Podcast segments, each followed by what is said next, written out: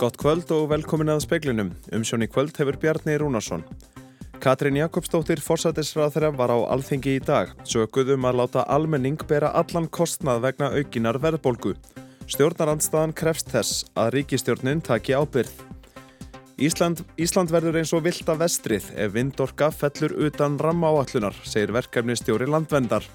Hann sakar hagsmunasamtök orkufyrirtækja um að afvega leiða umræðu um þessi mál. Formaður lögmannafélagsins segir að domstólar beiti einangrun í gæsluvarðhalds úrskurðum úr hófi fram. Breyta þurfi verklagi, lögum og kröfum um raukstunning fyrir að beita henni.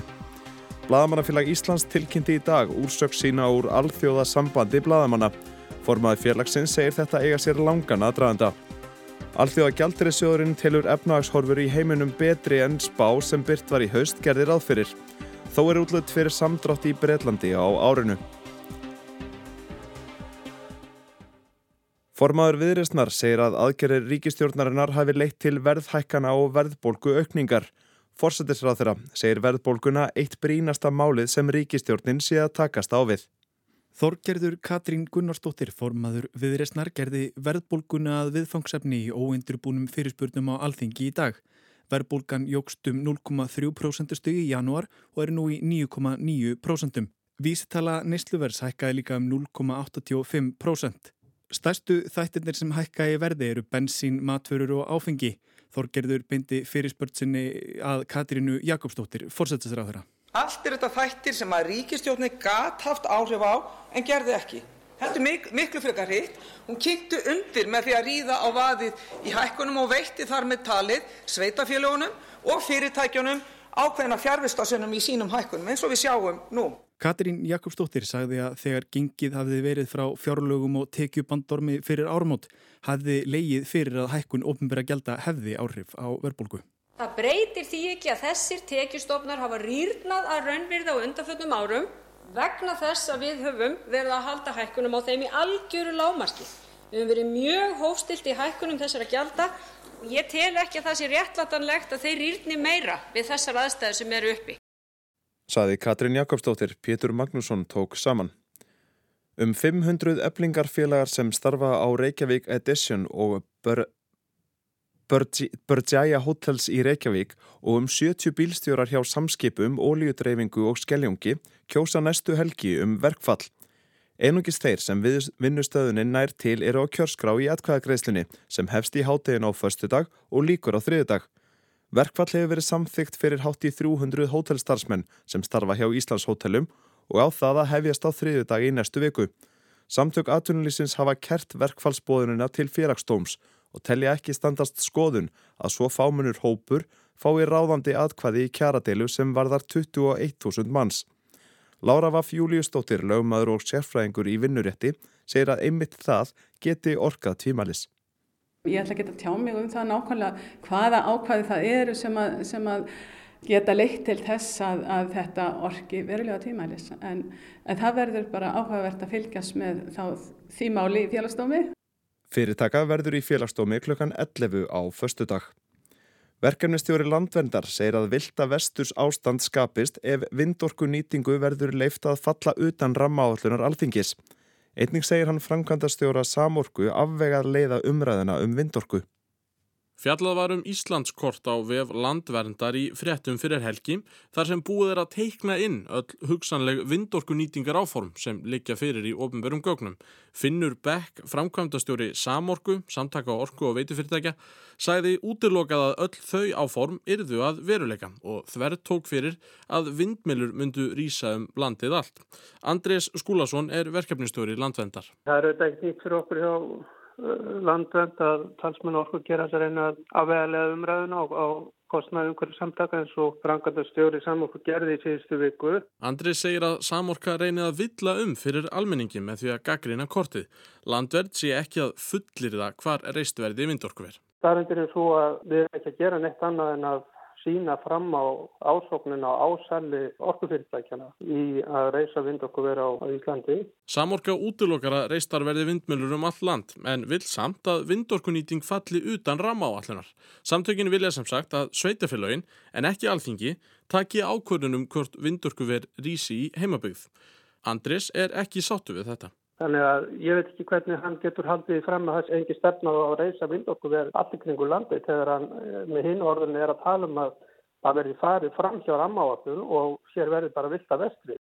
Saði Andrés Skúlason, Otur Þorðarsson tók saman. Íslensk kona í Noregi sem var stungin af fyrfirandi einmanni sínum er komin til meðvitundar. Laurugla hefur rætt við hana en ekki tekið formlega skýslu af henni en þá. Konan særðist alvarlega þegar fyrirverandi eiginmaður hennar réðst á hana með nýfi á McDonald's skyndibitastað í Karmói á vesturströnd Noregs 19. janúar. Konan gegst undir nokkrar aðgerðir og var lengi haldið sofandi. Samkvæmt upplýsingum frá Else Lokna, saksóknara hjá laurukluembættinu í Stafangri, hefur maðurinn, sem er líka Íslandingur, verið yfirherður nokkrum sinnum frá því hann var handtekinn eftir árásina. Að sögn Lokna telur laurukla sig verið með góða mynd af atbyrðarásinni en rannsókn er þó enni í gangi. Maðurinn var handtekinn fyrir utan heimili sitt skömmu eftir að lauruklu var tilkynnt um árásina. Hann játaði á sig verknaðinn og var úrskurðaður í fjögur að vikna gæsluvarðald. Konan og maðurinn eru bæði á sjötugsaldri, voru gifti um 40 ár og eiga saman uppkomin börn. Þau hafa búið í Noregi í mörg ár og eru bæði með norskan ríkisborgararétt. Konan fekk nálgunarbann gegn manninum í haust eftir að hann lagði eldað heimili þeirra á meðan hún var þar inni. Það mál er enn til rannsóknar. Hann hafi ítrekað brotið nálgunarbannið og margsinnis verið til yfirheyslu hjá lauruglu vegna þess, síðast 40 mínútum áður en hann réðst á konuna. Lokna staðfestir við fréttastofu að laurugla hafi þekkt til fólksins og að nálgunabann hafi verið í gildi. Þá staðfestir hún að laurugla hafi yfirheyrt mannin fyrr þennan sama dag. Gunnhildur Kjærúl Byrkistóttir saði frá. Joe Biden bandarækjaforseti segist ætla að ræða við Selenski í Ukrænu forseta sem hefur beðið bandarækjamenn að senda orustu þóttur og langdragar eldflugar til Ukrænu. Aðeins fáinir dagar eru síðan fjöldi vestræna skreitrega var sendur til Ukrænu, meðal annars bandaræskir Abrams skreitregar. Blaðamenn spurðu Biden í dag fyrir utan kvítahúsið hvort hann hefði eitthvað rætt við Selenski um nýlegar beðnir hans um sendingar þungavopna til Ukrænu. Við munum tala saman, svaraði Biden það um hæl. Bandaríkjafósiti var þó nokkuð afdráttalösar í svari sínu í gær þegar hann spurður hvort bandaríkja herr myndi senda F-16 orustuþótur til Úkrænu eins og fósiti landsins hefur beðið um. Nei, sagði hann þá við fréttamenn og hafði ekki fleiri orðum um það. Senn verður ár frá því að innrás rúsa í Úkrænu hófst og innrásarherrin verðist ekki verið að gefa neitt eftir. Úkræna naut mikils stuðningsbandalagsríkja þegar enn var verið að ákveða hvort senda eftir skriðtreka til Úkrænu. Þá fóru pólsk stjórnvöld mikinn og þrýstu mjög á þjóðveri að heimila sendingu Leopard skriðtreka austurabóin. Nú þegar talið berst að orustu þótum gætu þó farað að renna tvær grímur á þjóðarleitóa í Evrópu.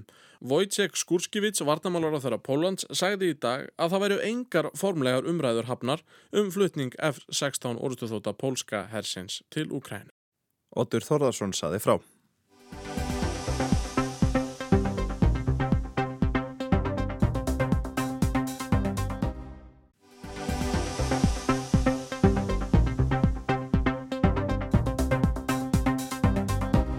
Einangrunarvist í fangelsum landsins er beitt úr hófi fram að mati mannreiteta samtakana Amnesty International. Í nýri skýslu þeirra kemur fram að á tíu ára tímabili frá árinu 2012 til 2021 hafi 825 sætt einangrunarvist þar af tíu börn á aldrinum 15 til 17 ára. Amnesty segir að slíkt sé brot gegn banni við pyntingum. Lagt er að íslenskum stjórnvöldum að standa við skuldbindingar sínar á sviði mannrettinda og meðal annars setja í forgang að bannað verði að börn sæti einangrun í gesluvarðaldi.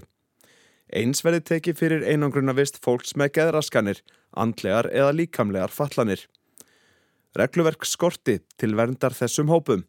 Amnesti krefst umbóta, enda afar skadlegt hversu óhóflega einangrunarvist er beitt hérlendis og hvetur til að slíkt verði látið heyra til algjera undantekninga og vari stutt. Annað sé brota á alþjóðasamningum. Á tímabilinu 2012 til 2021 segir Amnesty að 99 manns hafi sett einangrun lengur enn í 15 daga. Slíkt sé brot gegn banni við pyntingum. Nánast undantekninga laust verða domstólar við þeirri beðni lauruglunar að sagbortningar skuli sæta einangrun. Amnesty beinir umbóta tilugum sínum að ýmsum stopnunum og samtökum íslenskum. Þar á meðal dómsmálaráðanetinu, fangelsismála yfirvöldum, dómurum, lögreglu og lögmunum. Sigurður Örn Hilmarsson er formaður lögmannafélags Íslands. Fyrst og fremst eru þetta bara þakklátt fyrir svona samtök eins og Amnesty International fyrir að hafa tekið þetta málefni og, og skoða það e, ítarlega. E, þetta er svona atriði sem við lögmenn og verjandur höfum verið meðvitið um mjög lengi en það er gott að þetta sé komið svona í, til almennings með mjög skýrum hætti og umfjöldunni í, í skýslunni er að mörguleiti sláandi. Eru domstólar hér, eru þeir of gjarnir á að úrskurða fólk í gæsluvarhald og einogrun? Já, það er hérna mín afstæða og uh, ég held að megi lesa skýrlega út úr skýslunni. Og ég held að það sé sko rétt að, að, taka nokkuð skref aftur og bak og, uh, og vera minnug þess að uh, einn mæli hverða á gæði samfélagsins er hvernig er komið fram við fólk sem að stendur höllum fæti. Fatla fólk, fólk sem er að flýja styrjaldir og, og fanga, kannski einna, einna sérstaklega.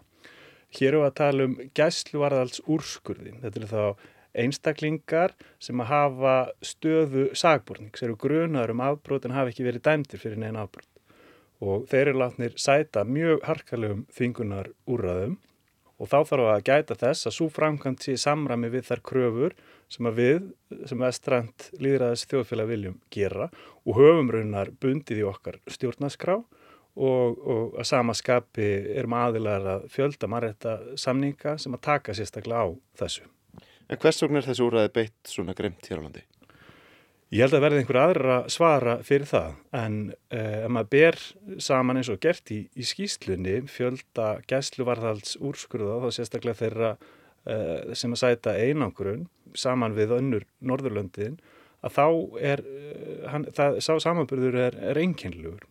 Við eigum okkur, svo sem eins og mörg önnur ríki, sögu þess að slíkum úrræðum hefur verið uh, ofbeitt og þau hafa verið ofnótuð margir muna til þess að Sævar Síselski satt í, gæsluvaraldi í 1500 daga. Það er af 615 daga í, í einangrun.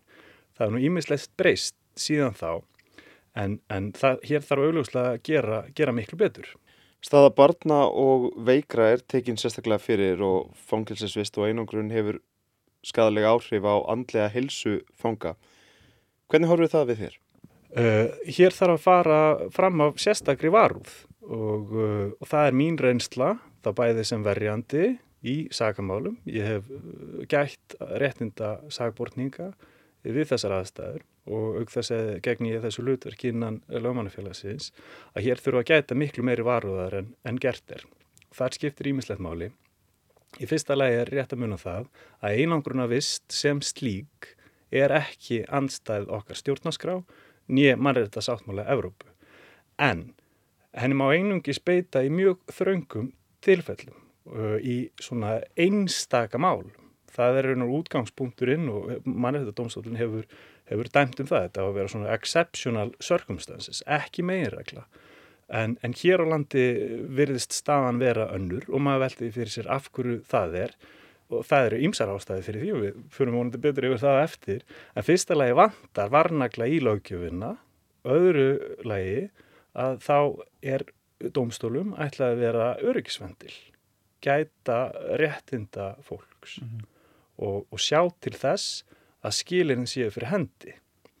Og við lestur skýsluna þá fær maður svona staðfesta tilfinningu sem að ég hef haft um lengri tíma að þar sé öryggisvendilin að bregðast.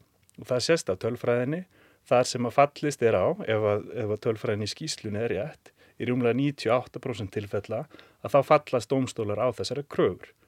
Og maður veldi því þá fyrir sig hverju sætir þetta. Hér kemur 20 greina, annars verður það að lauruglan far ekki fram með kröfur nema hún sé 100% viss um að þær verði samþittar. Eða þá hins vegar hitt að domstólarnir meti gæsluvarhaldskröfunar ekki með nægilegum hætti og ég óttast að verulega að það sé þið síðan um það. Og lögurlun hún skýlir sér yfirleitt að baka við það að þarna þurfa að geta rannsóknar hagsmuna. Er það eitt og sér ekki næg ástæða? Sjálfu sér, það sem ég held að skipti hérmáli er það, þú veist, fyrsta lagi þetta endur maður domstóluna á kröfum gæsluvarhaldskröfu. Að mínu viti að þá eru þessir úrskurðir of illa raukstutir, það er tekin of lítill tími í þau og, uh, og við verjendurnir sem höfum það hlutverki að gæta þessa grundvallar réttindu fólks erum í engra aðstöð til að gera það. Ástæðan kemur kannski hlustundunum á óvart en staðan er svo að í þessum þingöldum þá hafa saksóknarinnir öll gögnum málsins og dómarinn líka en verjandin ekki. Þetta er eins og að, að, að, að gaggrina leikrit sem maður hefur ekki séð og, uh, og þá eru þetta hlutverk dómarinn sérstaklega mikilvægt og, og ef maður og bara minni reynslu og ég held að ég deili henni með mörgum öðrum verjandum að þá er þessum málum ekki gefið nægur gömur mm -hmm. uh, dómstólar er ekki nægilega gaggrínur á þessar kröfur. Þeir taka sér ekki nægilega tíma til þess að, að rína í gögnin og skoða þau með, með kritiskum hætti. Og það sem meira er að það stendur einfallega í stjórnarskráni að úrskurðin eigi að vera raukstutir Það er kjarnatri, þú átt að geta lesið úrskurum gæsluvarall, hvort heldur sér með einangrunarvistun eða án og geta átt að það á því af hverju skilinu voru uppfyllt. Mm -hmm. Og almenn umfyllunum einhverja ótilgreinda rannsóknarhagsmunni fullnaðir ekki þeim kröfum að mínu viti. Og hvað er til ráða? Þarf að breyta lögum eða verklagi eða hvað þarf að gera? Ég held að þessi bæði. Eh, það þarf að breyta lögunum að mínu viti. Það er aðkallandi að breyta verklagi og til þess að halda áfram með þetta sem ég voru að segja á þann að þá þessi þingul taka svo stuttan tíma og umþóttuna tími dómarans er mörgum stundum neikslanlegur. Úrskurinn er kannski tilbúin áður en að þingaldi hófst. Og, og þá er þetta orðin einhvers konar gerfi mennska og maður veldi því fyrir sér sko hvert er hlutverk verjandans við þessar aðstæður? Og það er ekki að veita einhvers konar leikriti ásýnd réttlætis Ástæðan fyrir er mælt fyrir um, um þessi atriði bæði stjórnarskrá og mannrættasáttmálum og þau eru útfarði í lög er til þess að koma í veg fyrir gethóta, gethóta vald, að gethóti ráði því hvort að einstaklingu sem hefur ekki verið dæmtur fyrir brot sé sviftur frelsi sínu og settur í einangrun og einangrun að vistun einstaklings er honum mjög þungbar.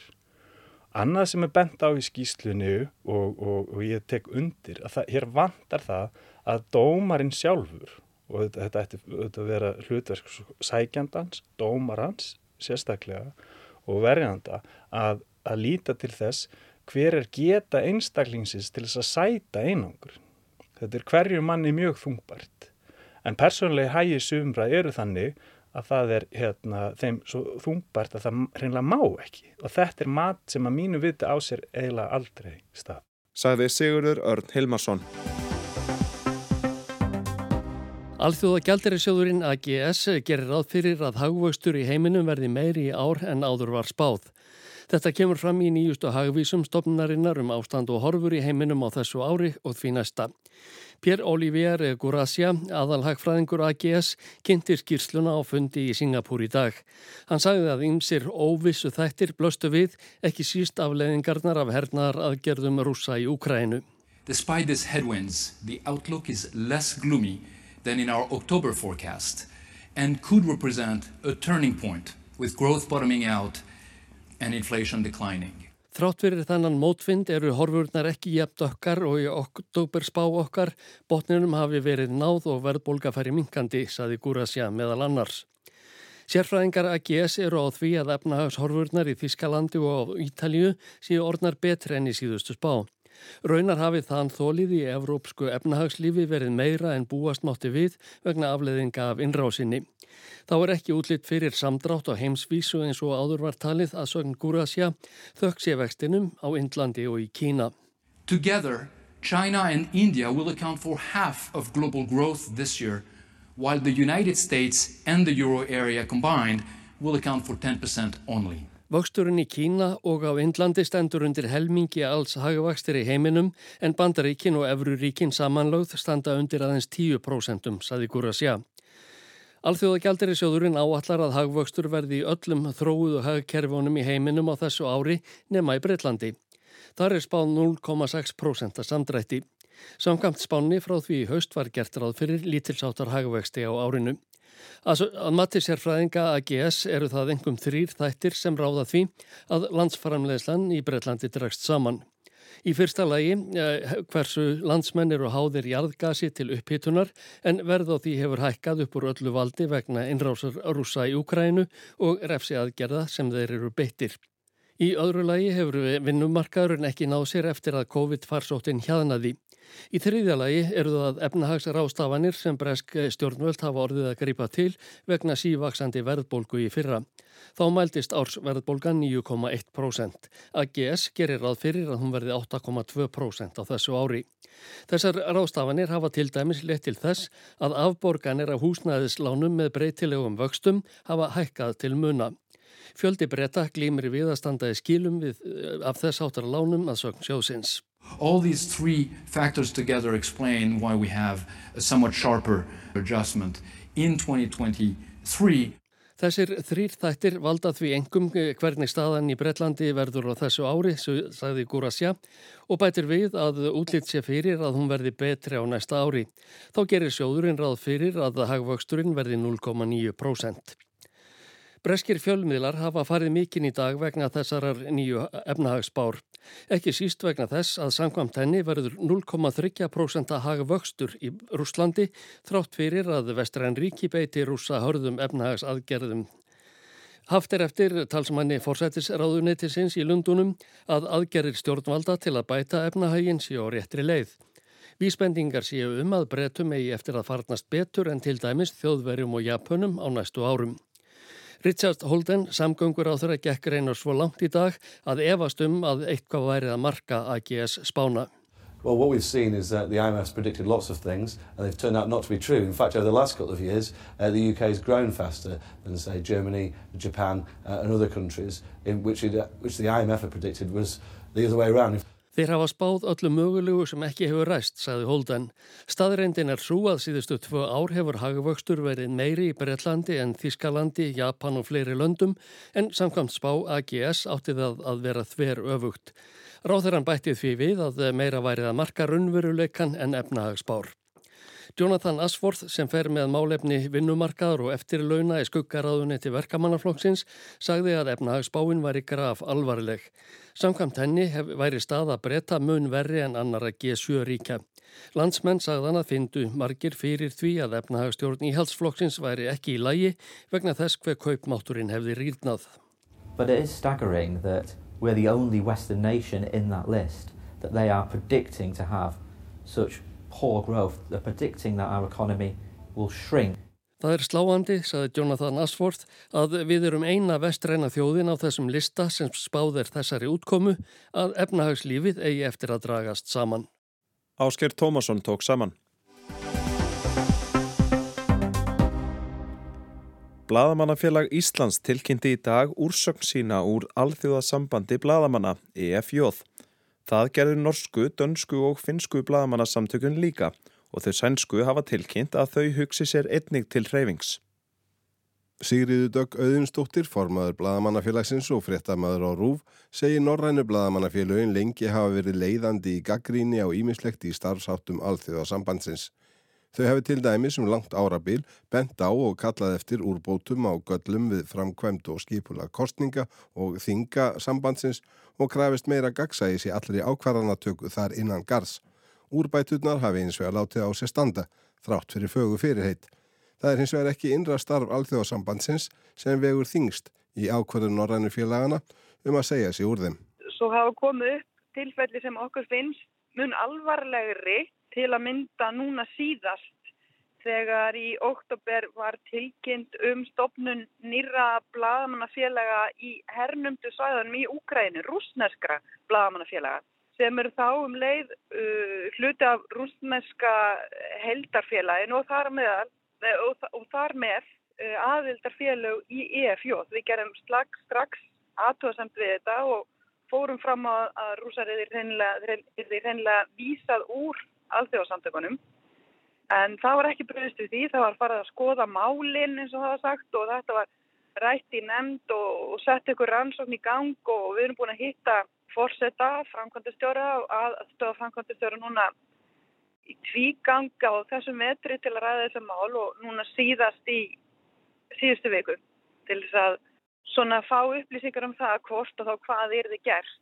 Sigriður segir Norræni félögin hafa komið sér saman um að niðurstaða þessa síðasta fundar myndi ráða úslitum um framhaldið. Á honum fengi yfirstjótt sambandsins eitt tækifæri enn til að koma með skýrsvör og viðbröð við spurningum þeirra á gaggrinni áður en þau segðu sig úr sambandinu. Og svörin voru jafn loðin og rýr sem ætið fyrr, líka við gaggrinninni á intöku hinnar rúsnesku bladamannafélaga í herrteknum héröðum Úkrænu. Og þetta er raun ekkert fyrsta stóra málið og það er annað mjög sambarlegt mál með Abkhazíur hér í, í Georgíu sem að á, á sambarlega hátt uh, var viðurkent sem uh, sjálfstætt aðeldarfélag innan EFJ þó svo engin þjóð í heiminum nema einhver örfáar viðkjörnum það sem sjálfstætt ríki. Og georgiumenn í framhaldinu gengu úr samtökunni í mótmælaskinni og það virtist vera einhvern veginn lítill skilningur hjá þeim sem fara með völd í EFJ á alvarleika bara þessa máls og, og fleiri svona dæmi. Að fundinu loknum voru stjórnin Norrænu bladamannafélagana sammála um það að sögn Sigriðar að þau kæmist ekki lengraði því að knýja fram umbætur í alþjóðsambandi bladamanna nema mögulega með þessum afgerandi og rótæka hætti að segja sig hreinlega úr þeim. En hvernig réttlætir fórist að samtaka á borði alþjóðsamband bladamanna intöku rúsneskra bladamannafélaga í herrteknum héruðum Úkrænu? Það var eins og bara þau hefði ekki í rauninni átta sig á fannst manni á, á svona skýringum þeirra á uh, svona afleiðingum þess til að mynda að leipa afgasíu þarna inn og það var einhvern veginn svona látið dánka þrátt fyrir gaggríni og, og hérna einhvern veginn ekki nægilega vel bröðist við gaggríni okkar. Varðandi rússana þá segjast þau verað í mótfallin að þau séu þarna inni en, kemur alltaf en Eh, þeir þurfa að fá sinn andmæla rétt og það þurfa að fara fram skoðun og rannsók síðan þurfi það að fara fyrir nefnd þannig eh, sagt framkvæmda stjórn eh, sem að muni síðan tek, taka ákvarðun um hvort að rúsum eru vísa út fórsetin sagði á fundinum fyrir helgi að hún hefði lagt svona hart að rúsum að, að draga sér sjálfur út og, og fara sjálfveljur þeir hefur ekki viljað gera það. En við erum bara ósátt við þó svo að þeir segist vera samla, sam, þau segist vera sammála okkur um að, að þetta sé ekki ásættanlegt þá séu gjörðirnar ekki til margs um það. Og það hefði verið auðvöld að vísa þeim út þarna strax í nógumbir þegar fyrsta skoðan á málinu uh, var búinn. Úrsögn Norrænu félagana tekur gildi eftir sex mánuði að því gefnu að félagsmenn samþykki hana en hverju breyti það fyrir alþjóðlegt samband bladamanna að aðeldarfélögu fjórum eða mögulega fimm smáríkjum segi sér úr þeim.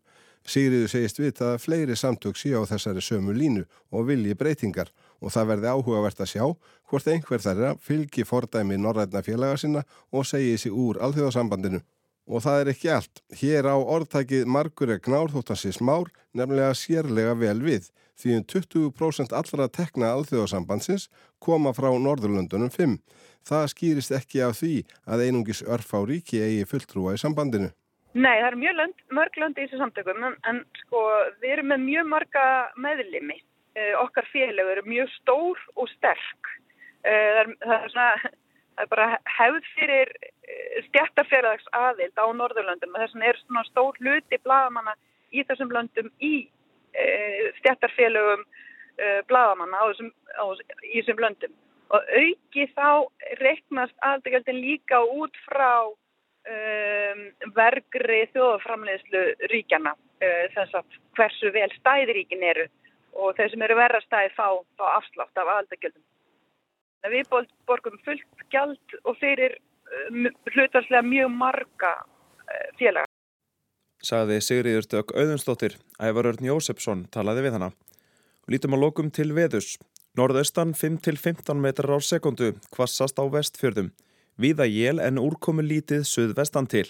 Frost 0-8 steg. Austlag átt 3-10 metrar á morgun og dálítil jél en þurft að kalla á söður og vesturlandi.